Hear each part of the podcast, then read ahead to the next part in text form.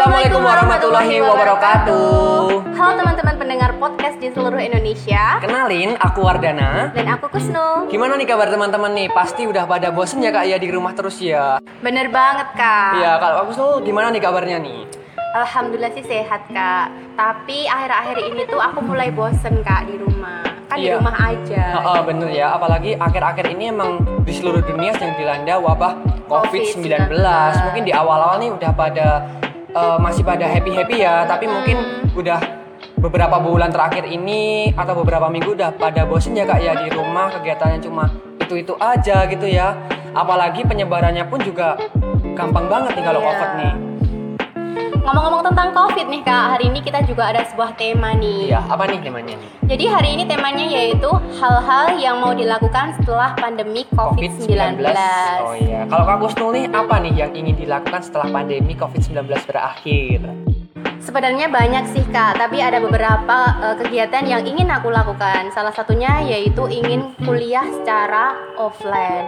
Jadi kan akhir-akhir ini selama covid kita kuliahnya secara online ya Iya, kak ya. secara daring ya, Kak, ya. Hmm, bener. Hmm. Dan itu eh, pastinya memiliki banyak kendala ya. Salah satunya yaitu di sinyal, jaringan, dan kita juga nggak bisa bertemu sama teman-teman. Iya bener Sedih banget. kan. Iya bener.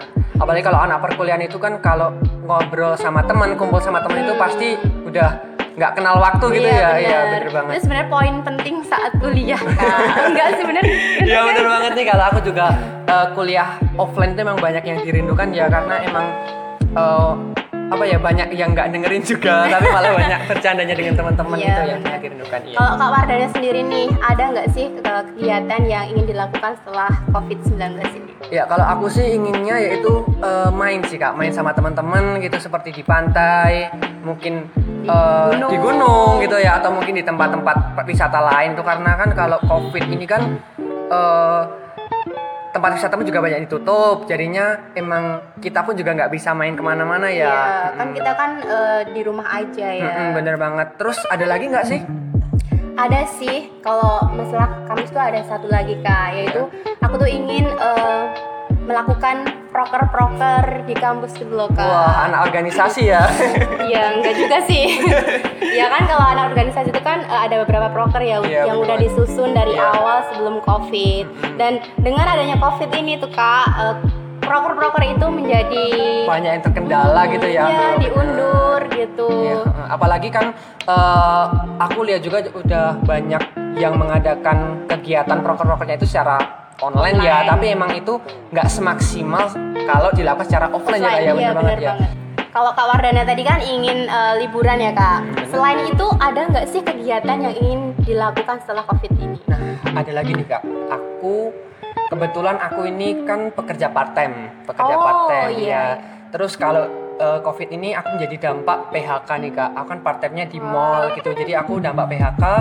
Aku kegiatan cuma di rumah aja, nggak ada pemasukan, tapi pengeluaran tetap jalan Jalan terus, gitu. Itu terus. gimana nih aku sampai pusing juga nih, pusing karena emang kalau eh, perkul- kalau udah anak-anak kuliah itu kan minta orang tua juga makin lama makin malu gitu ya, Iya, bener. maunya itu mandiri gitu tapi karena emang ada wabah covid ini aku juga jadi korban PHK itu pun ya nggak bisa berbuat banyak nih kak Ya kan ini kan eh, COVID juga sudah mau berlalu gitu ya kak ya. ha. Semoga nanti kak Wardana juga cepat mendapatkan part-timean yang baru kak. amin bener-bener banget nih tapi mungkin kalau habis ini nih pengen fokus ke tugas akhir dulu deh iya nggak sih Oh bener, aku juga Apalagi mahasiswa oh, tingkat kita akhir. mahasiswa tingkat akhir semoga juga eh, tahun ini pun juga bisa covid bisa segera berlalu gitu ya. Iya, dan kita juga bisa wisuda secara offline. offline. ya amin.